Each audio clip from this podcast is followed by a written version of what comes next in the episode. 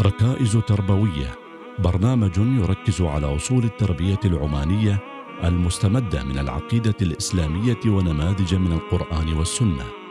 مع المرشدة الدينية إيمان المسكرية من دائرة التعليم والإرشاد النسوي بوزارة الأوقاف والشؤون الدينية.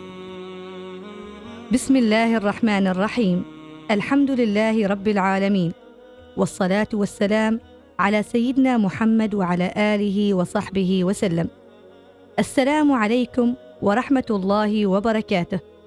أهلا وسهلا بكم أعزائي المستمعين في برنامجكم ركائز تربوية. أصول وقواعد نحو جيل قرآني متميز. حلقة اليوم ما يحتاجه الأبناء. ما هي الأولويات التربوية؟ دعونا اولا نستمع إلى الآيات الكريمة.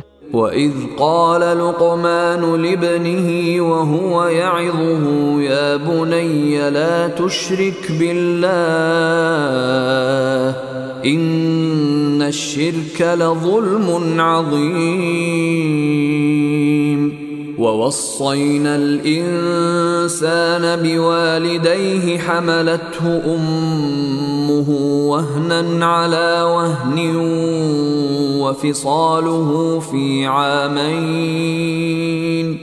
حملته أمه وهنا على وهن وفصاله في عامين. أن اشكر لي ولوالديك إلي المصير.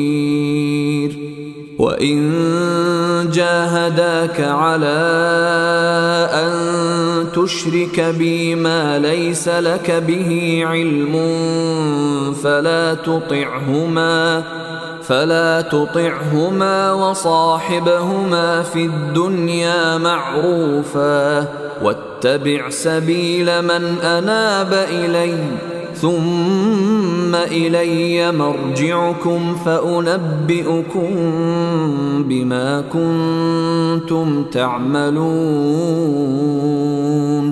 يا بني إنها إن تك مثقال حبة من خردل فتكن في صخرة فتكن في صخرة أو في السماوات أو في الأرض يأت بها الله.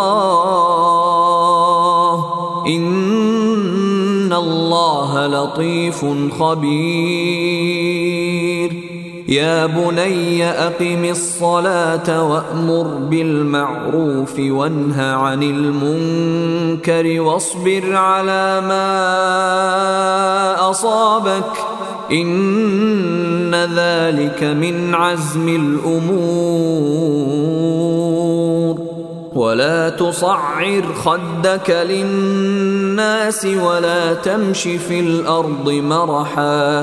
إن الله لا يحب كل مختال فخور. واقصد في مشيك واغضض من صوتك. إن أنكر الأصوات لصوت الحمير. سرد القصة. كما تعودنا نسرد القصة اولا مركزين أثناء الكلام على بعض المواطن. فانتبهوا إليها فهي مواطن تحتوي على الأهداف التربوية للقصة. لقمان يقول لابنه أثناء موعظته إياه مبتدئا بالنداء المخصوص ثم بالنهي عن الشرك بالله وهي أهم ما يربى عليه الأبناء ثم وضح له سبب ذلك وهو أن الشرك ظلم عظيم ثم يعطف بتبيين من له حق الطاعة على الإنسان وهم والداك ثم يستأنف مرة أخرى كلام لقمان حيث يوصي ابنه بترك ذنوب السر لأنه حتى لو اختبأت إن الله يعلمها كما يعلم مثقال الحبه من خردل لو كانت في صخرة أو في السماوات أو في الأرض. ثم يوصيه بالعبادات وعلى رأسها الصلاة. ويعطف عليها بالأمر بالمعروف والنهي عن المنكر والصبر على المعصية. معللا كل ذلك بأنه من عزم الأمور. ثم يوصيه بعدة وصايا أخلاقية ومنها عدم الكبر بتصعير خده للناس والمشي في الأرض مرحا موضحا أيضا عكس ذلك وهو القصد بالمشي وغض الصوت مشبها أنكر الأصوات بصوت الحمير. الدلالات التربوية للقصة وإذ قال لقمان لابنه وهو يعظه. هنا نلاحظ وهو يعظه جملة اسمية والجملة الاسمية تدل على الثبوت والدوام وهو ما يشعرنا بأن هناك ضرورة تربوية وهي أن يجلس الأب مع ابنه دائما أو كثيرا للوعظ والتوجيه والتربية. وأن يقضي في ذلك وقتا طويلا ولا يمل من ذلك بشرط أن تكون الطريقة هي نفس الطريقة التي اتبعها لقمان على ما سنوضح إن شاء الله. وهو يعظه. هنا نلاحظ أن الله سبحانه وتعالى لم يقل وهو يأمره فالوعظ غير الأمر لأن الوعظ يشتمل على التأثير في الوجدان بالرفق والإقناع. فالأب ليس امرا لابنه وإنما واعظ. وكذلك الأم إنما هي واعظة. ما معنى الوعظ؟ أي مؤثرة في ابنها تؤثر تبحث عن الطريقة التي تؤثر بها في ابنها. لا على الأوامر التي ينبغي أن توجهها إلى أبنائها أو بناتها وإنما تبحث عن الطريقة التي تؤثر في أولادها. يا بني لا تشرك بالله. هنا استخدم كما استخدم الأنبياء من قبله في الحوار مع أبنائهم. بصيغة التصغير قال يا بني. ولم يقل يا ولدي. كما قلنا في الحلقات السابقة. أن على المربي أن يختار الألفاظ المحببة والمشوقة لدى المتربي وأن يشعره بأنه يحبه وأنه لا ينصحه إلا من باب حبه الكبير له. لا تشرك بالله. أولى الأولويات التربوية. هي التحذير من الشرك. والشرك طبعا أنواع كثيرة. ولماذا هنا لم يقل له آمن بالله؟ وإنما وجهه إلى عدم الشرك بالله. أعزائي المستمعين لأن الإيمان لا يحتاج إلى وعظ ولا إلى أمر فهو مركوز في الفطرة.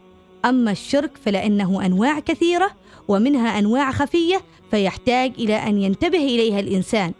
وهنا موعظة تربوية بالغة الأهمية يجب الانتباه إليها. حتى لو أن لقمان ابنه لم يقع في الشرك ينبغي التنبيه إليه قبل أن يتعرض له. هذا مهم أيضا في تربيتنا لأبنائنا. إن الشرك لظلم عظيم.